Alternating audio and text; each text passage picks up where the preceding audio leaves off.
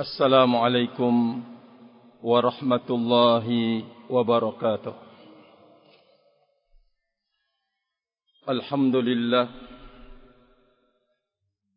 الحمد لله الذي أرسل رسوله بالهدى ودين الحق ليظهره على الدين كله وكفى بالله شهيدا. أشهد أن لا إله إلا الله وحده لا شريك له إقرارا به وتوحيدا وأشهد أن محمدا عبده ورسوله صلى الله عليه وعلى آله وسلم تسليما مزيدا أما بعد. فأوصي نفسي أولا وإياكم بتقوى الله فقد فاز المتقون قال الله عز وجل في كتابه يا أيها الذين آمنوا اتقوا الله حق تقاته ولا تموتن إلا وأنتم مسلمون Saudaraku kaum muslimin dan muslimat yang saya hormati dan yang saya muliakan Alhamdulillah Puji dan syukur Tidak henti-hentinya Kita mengucapkan kepada Allah Azza wa Jalla Atas segala karunia Segala ragam nikmat Yang telah diberikan dan dituangkannya kepada kita Tidak ada satu pun dari nikmat yang itu merupakan hajat makhluknya yang ditahan oleh Allah Subhanahu wa taala. Di Allah Subhanahu wa taala membagikan nikmat-nikmat dan karunia itu di atas ilmu, keadilan dan kebijaksanaan Allah. Allah Azza wa Jalla maha mengetahui kepada siapa nikmat ini ditaruh dan diletakkan. Dia Allah Subhanahu wa taala maha mengetahui nikmat ini ditahan atas siapa-siapa dari makhluknya. Dia Allah Subhanahu wa taala maha mengetahui nikmat-nikmat yang dicabut dari makhluknya. Sehingga semua kejadian dan peristiwa yang menyenangkan di kehidupan dunia ini atau yang menyedihkan dan menyusahkan semuanya itu di atas pengetahuan Allah Subhanahu wa taala. Dan di saat kita menemukan dan menjumpai ada yang diberikan lebih dan ada yang diberikan kurang. Bahkan ada yang diputuskan tidak mendapatkan apa-apa. Bahkan ada yang sudah mendapatkan dari nikmat dan karunia Allah Azza wa Jalla. Kemudian Allah mencabutnya. Semuanya itu di atas keadilan Allah. Semuanya itu di atas kemahabijaksanaan Allah Azza wa Jalla. Sehingga tidak ada seorang pun dari makhluk yang punya peluang dan kesempatan di saat dia tidak diberikan oleh Allah Azza wa Jalla. Dia menyoal dan mempermasalahkan keputusan Allah. Tidak ada peluang bagi makhluk ini sekecil apapun di saat Allah Azza wa Jalla mencabut darinya nikmat yang sudah diberikan untuk kemudian mendemo Allah Subhanahu wa taala menyalahkan Allah Subhanahu wa taala menuding ketidakadilan Allah Azza wa Jalla sampai kemudian mencela dan mencerca keputusan Allah Subhanahu wa taala. Wa ma zalamahumullah walakin kanu anfusahum yadhlimun Allah Azza wa Jalla tidak akan berbuat zalim kepada siapapun dari mereka ai dari makhluknya Akan tetapi makhluk-makhluk itulah yang banyak melakukan kezaliman kepada Allah. Ma'asyiral muslimin yang saya hormati dan yang saya muliakan. Maka karena kezaliman yang banyak dilakukan oleh makhluk itulah maka pantas Allah Subhanahu wa taala memberikan pelajaran kepada makhluk ini. Pantas Allah Azza wa Jalla menurunkan berbagai macam musibah dan cobaan di kehidupan makhluk ini. Pantas Allah subhanahu wa ta'ala untuk kemudian mencabut nikmat yang sudah diberikan. Ma'asyiral muslimin yang saya hormati dan yang saya muliakan. Maka kita menyadari dan memahami semuanya. Tidak ada kezaliman yang paling besar dalam hidup makhluk ini daripada kezaliman dia kepada Allah Azza wa Jalla dia telah berbuat zalim kepada Allah, maaf-maaf, bahasa kasarnya tidak pantas untuk dia mengharapkan yang banyak dan terbaik dari Allah. Bagaimana dia berbuat zalim kepada Allah Azza wa Jalla? Tapi Allah Azza wa Jalla maha bijaksana. Walaupun hamba itu berada dalam kezaliman yang paling besar kepada Allah. Allah tidak akan menahan karunia-Nya. Allah tidak akan menahan nikmatnya atas mereka.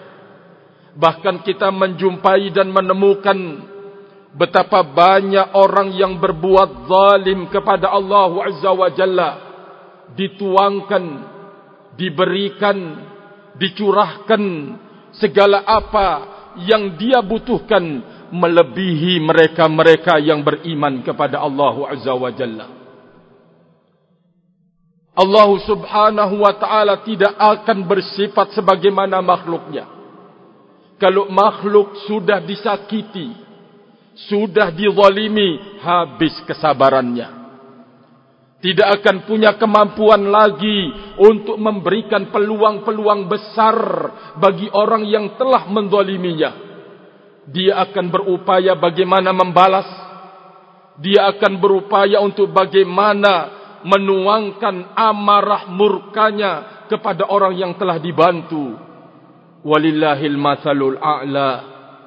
Bagi Allah Azza wa Jalla, permisalan yang sangat tinggi kendati pun makhluknya berpuluh-puluh tahun berbuat zalim kepada Allah Azza wa Jalla Allah tetap memberikan kepadanya kesempatan untuk hidup Allah Azza wa Jalla tidak mengusirnya dari negeri dunia ini kemudian disuruh untuk mencari dunia dan tempat hidup yang lain tidak akan pernah mampu manusia untuk melakukannya tapi Allah Azza wa Jalla tidak berbuat zalim kepada mereka. Bahkan lebih dari itu, di samping Allah Azza wa Jalla tetap memberikan peluang dan kesempatan hidup di muka bumi ini walaupun dia telah berbuat zalim kepada Allah Azza wa Jalla Allah pun tetap membukakan pintu baginya untuk bertaubat Allah Azza wa Jalla tetap membukakan bagi makhluk-makhluk ini kesempatan untuk bertaubat kepada Allah Azza wa Jalla. Akankah ada manusia yang mau sadar akan itu? Akankah ada manusia yang mau menyadari tentang dirinya ini yang sudah diperlakukan dengan penuh kasih sayang oleh Allah Azza wa Jalla?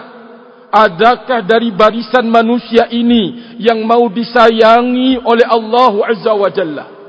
Allah berikan peluang dan kesempatan untuk hidup, menghirup udara untuk menyambung kehidupannya, dipenuhi ajatnya, bahkan dilebihkan pembagian rezeki itu dibanding dengan orang-orang yang beriman kepada Allah. Namun tentunya bagi kita orang-orang yang beriman memahami di saat Allah Azza wa Jalla menuangkan sebanyak-banyaknya rezeki pada seorang hamba tidak menunjukkan Allah pasti mencintai, menyenangi, meridhai dia. Sebagaimana juga Allah Azza wa Jalla menahan rezekinya dari kaum mukminin tidak berarti seseorang ini dicela dan dicerca oleh Allah Azza wa Jalla. Dibenci oleh Allah Subhanahu wa taala. Allah memutuskan semuanya di atas keadilan dan kebijaksanaan Allah Azza wa Jalla.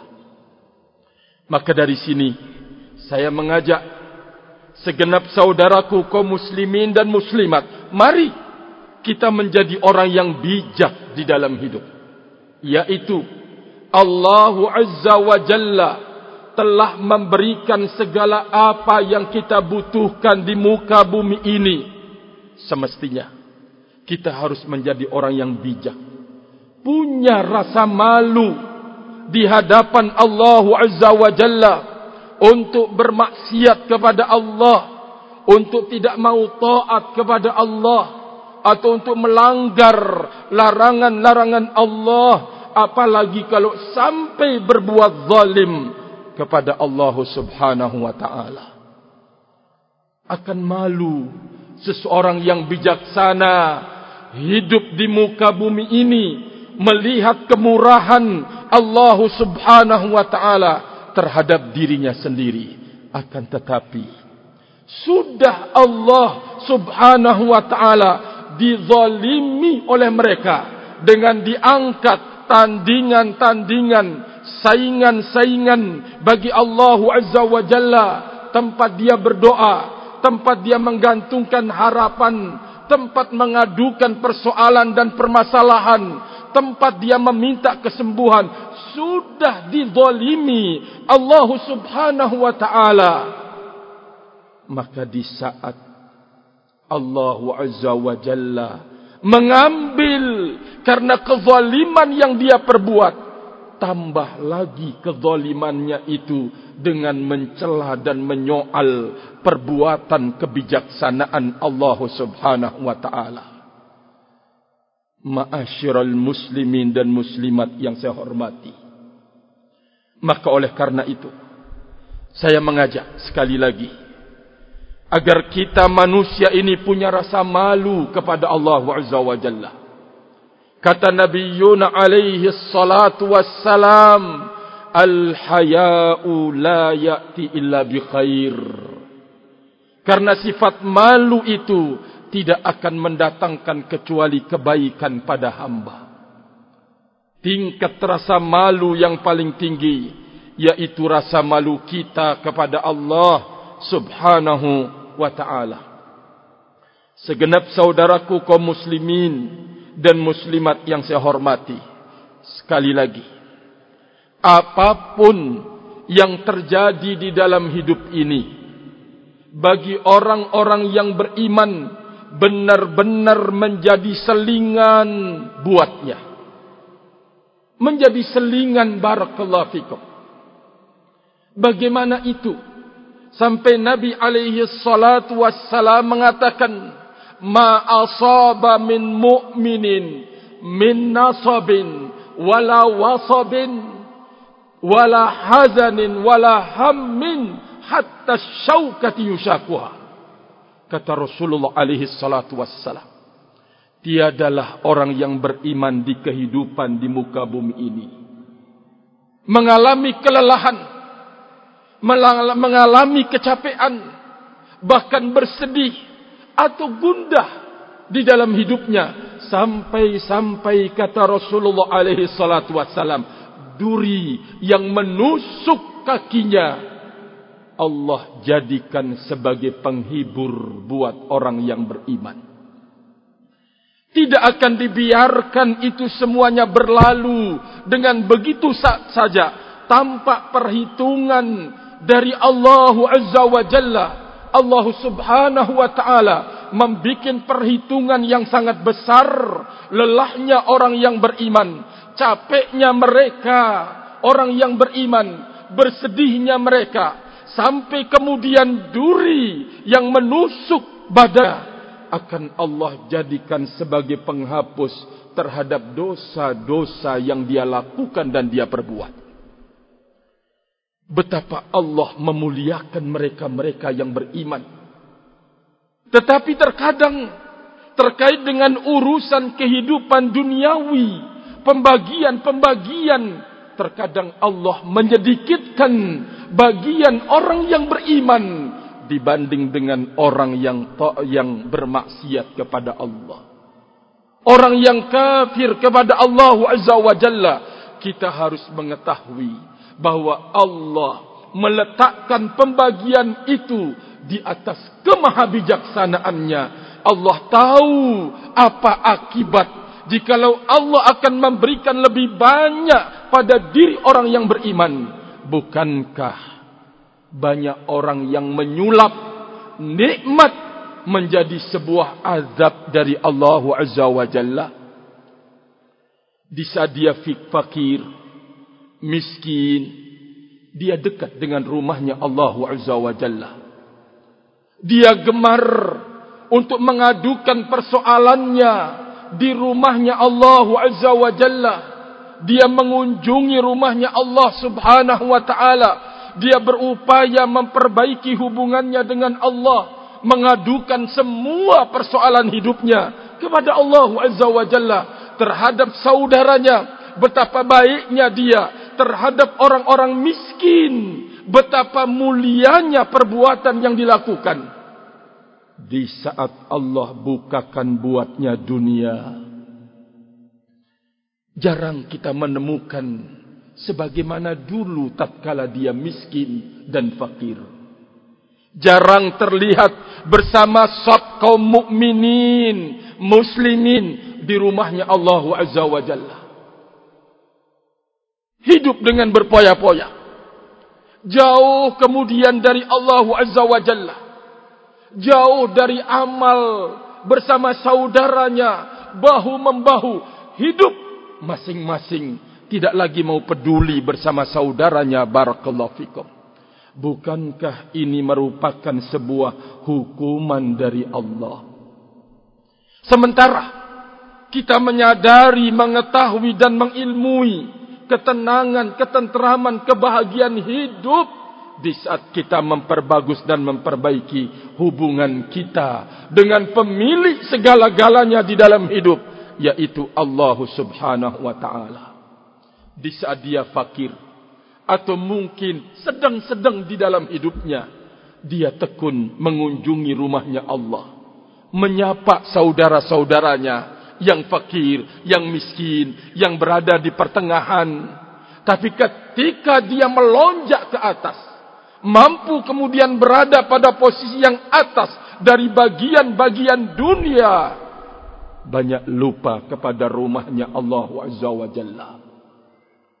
Dia tidak lagi menemukan ketenangan dan ketenteraman walaupun dia mengunjungi rumahnya Allah. Sebentar-bentar bunyi HP, sebentar-bentar bunyi panggilan, sebentar-bentar tidak tenang dan tenteram dia temukan dan jumpai bisa dia berhubungan dengan Allah Azza wa Jalla. Karena dia sudah tampil melirik kepada dunia berupaya mengumpulkan dunia, bercita-cita untuk mendapatkan dunia dan menumpuknya, Allah akan berikan kepadanya. Dan ingat, yang akan mendekat kepada ahlu dunia ini adalah orang-orang yang semisal dengannya. Kalau kemarin mungkin dekat bersama orang-orang yang baik, orang-orang yang bagus mengingatkan dia, menegur dia, menasehati dia. Tapi ketika sudah sampai kepada apa yang dicarinya, menutup mata bagaimana dia memperoleh harta benda itu. Atau bagaimana dia memperoleh kedudukan itu. Maka yang datang mengunjunginya adalah orang yang ingin mendapatkan dunianya. Orang yang ingin memperoleh dunianya orang yang ingin mendapatkan bagian dari dunianya. Maaf, maaf terlalu kasar kalau kita mengatakan ada orang yang datang ingin menjilat dunianya. Barakallahu fikum. Ma'asyiral muslimin yang saya hormati dan yang saya muliakan. Maka betapa tinggi kebaikan Allah Azza wa Jalla terhadap hamba-hambanya secara umum dan terhadap orang-orang yang beriman berlipat ganda kebaikan Allah kepada mereka. Tapi di saat kita tidak memiliki ilmu membawa iman kita kepada Allah Azza wa Jalla ingin men sering menjadi tunggangan-tunggangan khurafat dan takhayulat ditunggangi oleh setan dan bala tentara iblis. Betapa sering kita menyangka dan menduga di saat kita meninggalkan sesuatu yang haram yang dilarang oleh Allah, yang dicegah oleh Allah, yang diperintahkan kita untuk meninggalkannya. Padahal kita beriman kepada Allah Subhanahu wa taala. Ketika kita mendapatkan larangan di dalam hidup berat kita untuk meninggalkannya. Kenapa berat? Karena masih berpikir hitungan-hitungan dunia. Padahal ma'asyiral muslimin yang saya hormati dan yang saya muliakan tidak ada yang namanya orang beriman ingin mewujudkan dan membuktikan imannya meninggalkan apa yang dilarang oleh Allah. Walaupun ini menguntungkan di dalam hidupnya Allah pasti akan menggantikan dengan sesuatu yang lebih baik dari apa yang dia tinggalkan. Ini terkadang jarang kita genggam dalam ilmu kita orang-orang yang beriman. Kita masih tarik ulur terus barakallahu fikum melihat ke depan bagaimana anak saya. Kalau saya meninggalkan ini pintu saya gampang untuk menabung. Padahal jalan yang ditempuh itu adalah tidak benar mungkin dalam pandangan agama. Kalau dia benar-benar beriman kepada Allah. Dan keimanannya itu didasari dengan ilmu yang benar kepada Allah Azza wa Jalla dia tidak pernah akan berpikir panjang. Kecuali berpikir ini sesuatu dimarahi oleh Allah. Dimurkai oleh Allah. Dibenci oleh Allah. Maka dia segera meninggalkan sesuatu yang dilarang oleh pemilik hidupnya. Dan dia harus menanamkan keyakinan bahwa Allah pasti akan menggantikan sesuatu yang lebih baik darinya. Itulah yang disebutkan oleh Nabi kita Muhammad sallallahu alaihi wa ala alihi wasallam dalam sabdanya man taraka syai'an lillahi awadahu Allahu khairan minhu siapa saja yang meninggalkan sesuatu karena Allah Azza wa Jalla. Allah akan menggantikannya dengan yang lebih baik. Termasuk suudzan berburuk sangka kepada Allah Azza wa Jalla. Di saat seorang beriman meninggalkan sesuatu yang diharamkan oleh Allah karena Allah lalu tidak digantikan oleh Allah dengan yang lebih baik ini digolongkan oleh para ulama termasuk dalam pintu berburuk sangka kepada Allah Subhanahu wa taala. Aduhai betapa banyak selingan-selingan hidup yang Allah berikan kepada kaum mukminin. Tadi sudah kita sebutkan di saat Allah menguji namanya mungkin dari jarak 100 meter mau jalan ke masjid kan ada lelah ada capek. Barakallahu fikum. Belum lagi terkadang gangguan dia berusaha untuk menyingkirkan semua apa yang dia rasakan dalam melaksanakan ketaatan kepada Allah Azza wa Jalla Allah subhanahu wa ta'ala akan perhitungkan buat orang yang beriman. Sampai-sampai mungkin dia keluar ke ladang untuk mencari nafkah buat dirinya, buat istrinya, dan buat anak-anaknya. Sampai kemudian terkena parang tangannya. Ketika dia menebas mungkin hasil panennya batang jagungnya atau mungkin mau barakallahu fikum membersihkan lahannya kena tangannya dengan duri atau yang semisalnya. Kabar gembira bagi engkau wahai saudaraku yang beriman kepada Allah Azza wa Jalla. Allah jadikan ini sebagai penghibur engkau. Tutup mulut kita. Jangan sampai berucap kata-kata kotor. Keluar. Di saat kita diuji dan ditimpakan oleh Allah Azza wa Jalla sesuatu yang menyakitkan kan sering kita lepas kontrol wahai saudaraku yang beriman di saat dia menjadi orang yang tekun rajin ke masjid tetapi lisannya ini gampang untuk mencela, mencerca, mengeluarkan kata-kata kotor. Jangan sampai terjadi.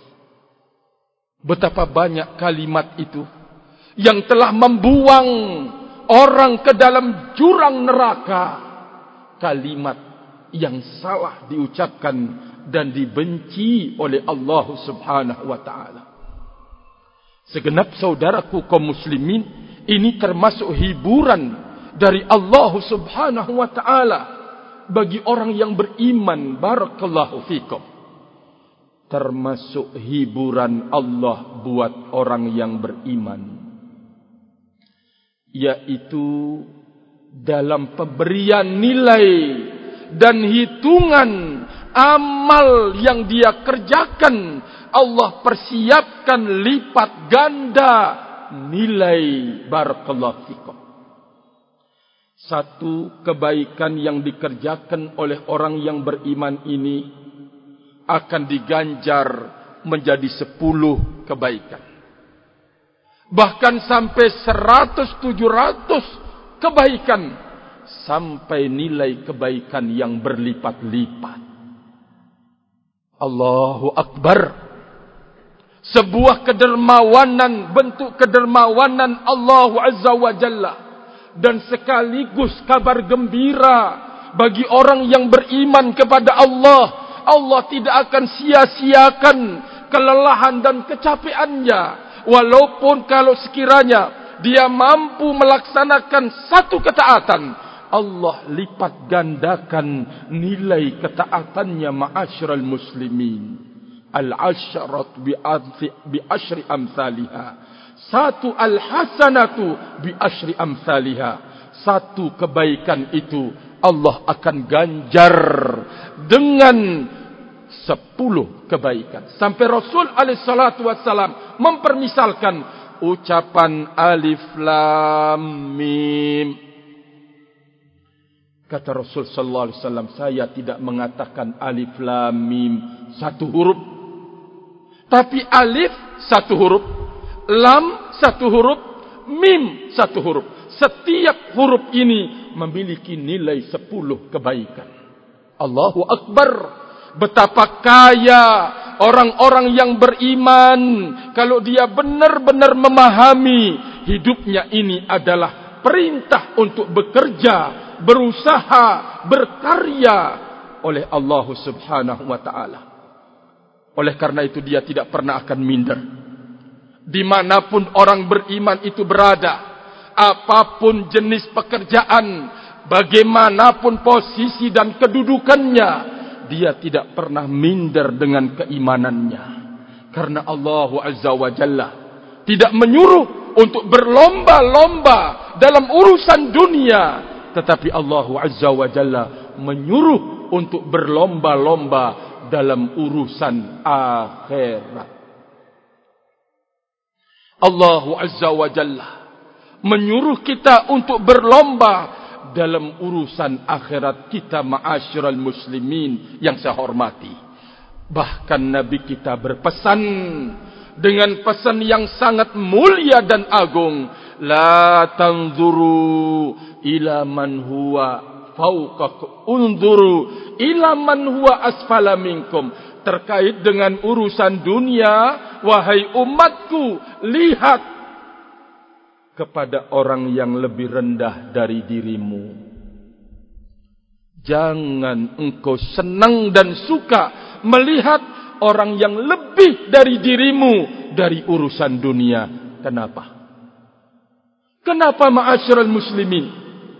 Karena kalau anda selalu sering melihat orang yang di atas, satu dalam hadis langsung disebutkan akan menjadikan engkau kufur terhadap nikmat Allah.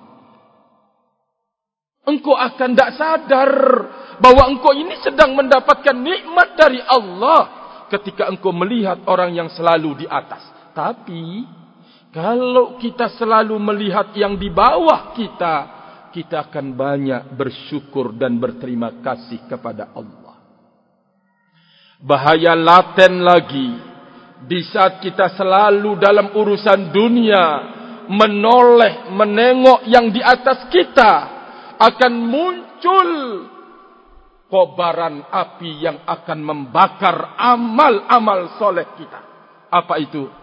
yaitu sifat hasad yang ada pada diri kita. Maka oleh karena itu Allah Azza wa Jalla dan Rasulnya Muhammad sallallahu alaihi wasallam tidak menyuruh kita berlomba-lomba dalam urusan dunia akan tetapi Allah Subhanahu wa taala dan Rasul sallallahu alaihi wasallam menyuruh kita untuk berlomba-lomba dalam urusan akhirat. Inilah kabar gembira bagi mereka-mereka yang beriman selingan demi selingan di dalam hidupnya. Di saat dia lelah dan capek, Allah perhitungkan kelelahannya. Di saat dia mampu melaksanakan satu ketaatan, Allah Azza wa Jalla akan memberikan nilai yang berlipat-lipat. Mari kita dengarkan apa kata Nabi alaihi salatu wassalam? Man hamma bihasanatin falam ya'malha katabaha Allahu indahu hasanatan kamilah. Barang siapa yang punya keinginan, kemauan, cita-cita, angan-angan untuk melaksanakan kebaikan. Sudah dipasang niatnya. Nanti saya mau ziarah ke tempat saudara saya yang sedang sakit, ini niat kebaikan. Nanti saya mau apa namanya e, membantu saudara saya yang sedang bangun rumah. Misalkan ada niatan, sudah dipasang niatnya. Tapi karena satu dan lain hal, dia tidak bisa mengerjakan apa yang dia niatkan. Mungkin istrinya sakit di saat itu, butuh diopeni istrinya sakit, butuh diantar mungkin ke rumah sakit di saat itu juga. Atau anaknya, barakallahu fikum. Sehingga dia tidak mampu untuk melaksanakan kemauan dan keinginannya di saat itu. Kata Rasulullah alaihi salatu wassalam, Allah akan menulis satu kebaikan sebagai ganjaran niatnya yang baik, kebaikan yang sempurna kata Rasulullah alaihi salatu wassalam. Adakah di dunia ini yang akan mampu menggaji cuma keinginan saja? Saya kira tidak ada. Barakallahu fikum. Semuanya akan dihitung sesuai dengan lelah dan capeknya. Sehari mungkin seratus ribu, mulai dari jam 7 sampai kemudian jam 5 misalkan 100 atau 200 ribu. Tapi kalau seseorang mengatakan Alhamdulillahi Rabbil Alamin tidak berdetik-detik. Berapa detik saja. Allah akan ganjar huruf alif pertama di alham dengan sepuluh kebaikan. Lam dengan sepuluh kebaikan. Ha dengan sepuluh kebaikan. Mim dengan sepuluh kebaikan. Dal dengan sepuluh kebaikan. Hitung semuanya. Dalam waktu yang singkat kita bisa meraup gaji yang sangat besar dari Allah subhanahu wa ta'ala. Tapi sangat-sangat sedikit yang melirik ke arah itu. Sangat-sangat sedikit yang melirik. Maka semoga saya dan segenap saudaraku, kaum muslimin dan muslimat dimasukkan ke dalam kategori orang yang selalu berlomba-lomba untuk akhiratnya. Kalau sudah perlombaan untuk akhirat kita pasang, kita mencoba untuk melakukan perbaikan, pembenahan amal-amal yang kita lakukan dan yang kita kerjakan. Inilah yang disebut dengan orang-orang cerdas dan orang-orang pintar. Tidak hanya berpikir buat dunianya semata. Tetapi dia berpikir untuk akhiratnya. Masih ada alam yang dia akan lalui. Sebelum alam akhirat, dia harus masuk ke dalam alam barzah. Disodorkan pertanyaan.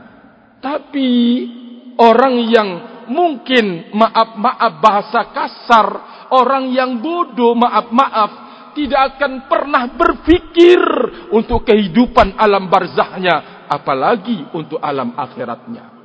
Selalu dunia, menumpuk dunia, mengejar dunia, mencari jabatan dunia, terus itu yang ada. Maka oleh karena itu segenap saudaraku kaum muslimin, jangan sampai kita tertipu orang-orang yang beriman dengan gemerlapnya dunia lalu kita kikis sedikit demi sedikit keimanan yang ada pada diri kita. Barakallahu fikum. Lalu kita dengan tega maaf-maaf menukar satu keimanan yang telah kita pegang dengan secuil duniawi besok lagi ada tawaran dunia syarat iman lepas kita siap untuk melepasnya. Besok lagi ada tawaran dunia. Asal iman dilepas, kita siap untuk melepaskannya. Sampai Nabi sallallahu alaihi wasallam mengatakan seseorang melelang agamanya dengan secuil duniawi.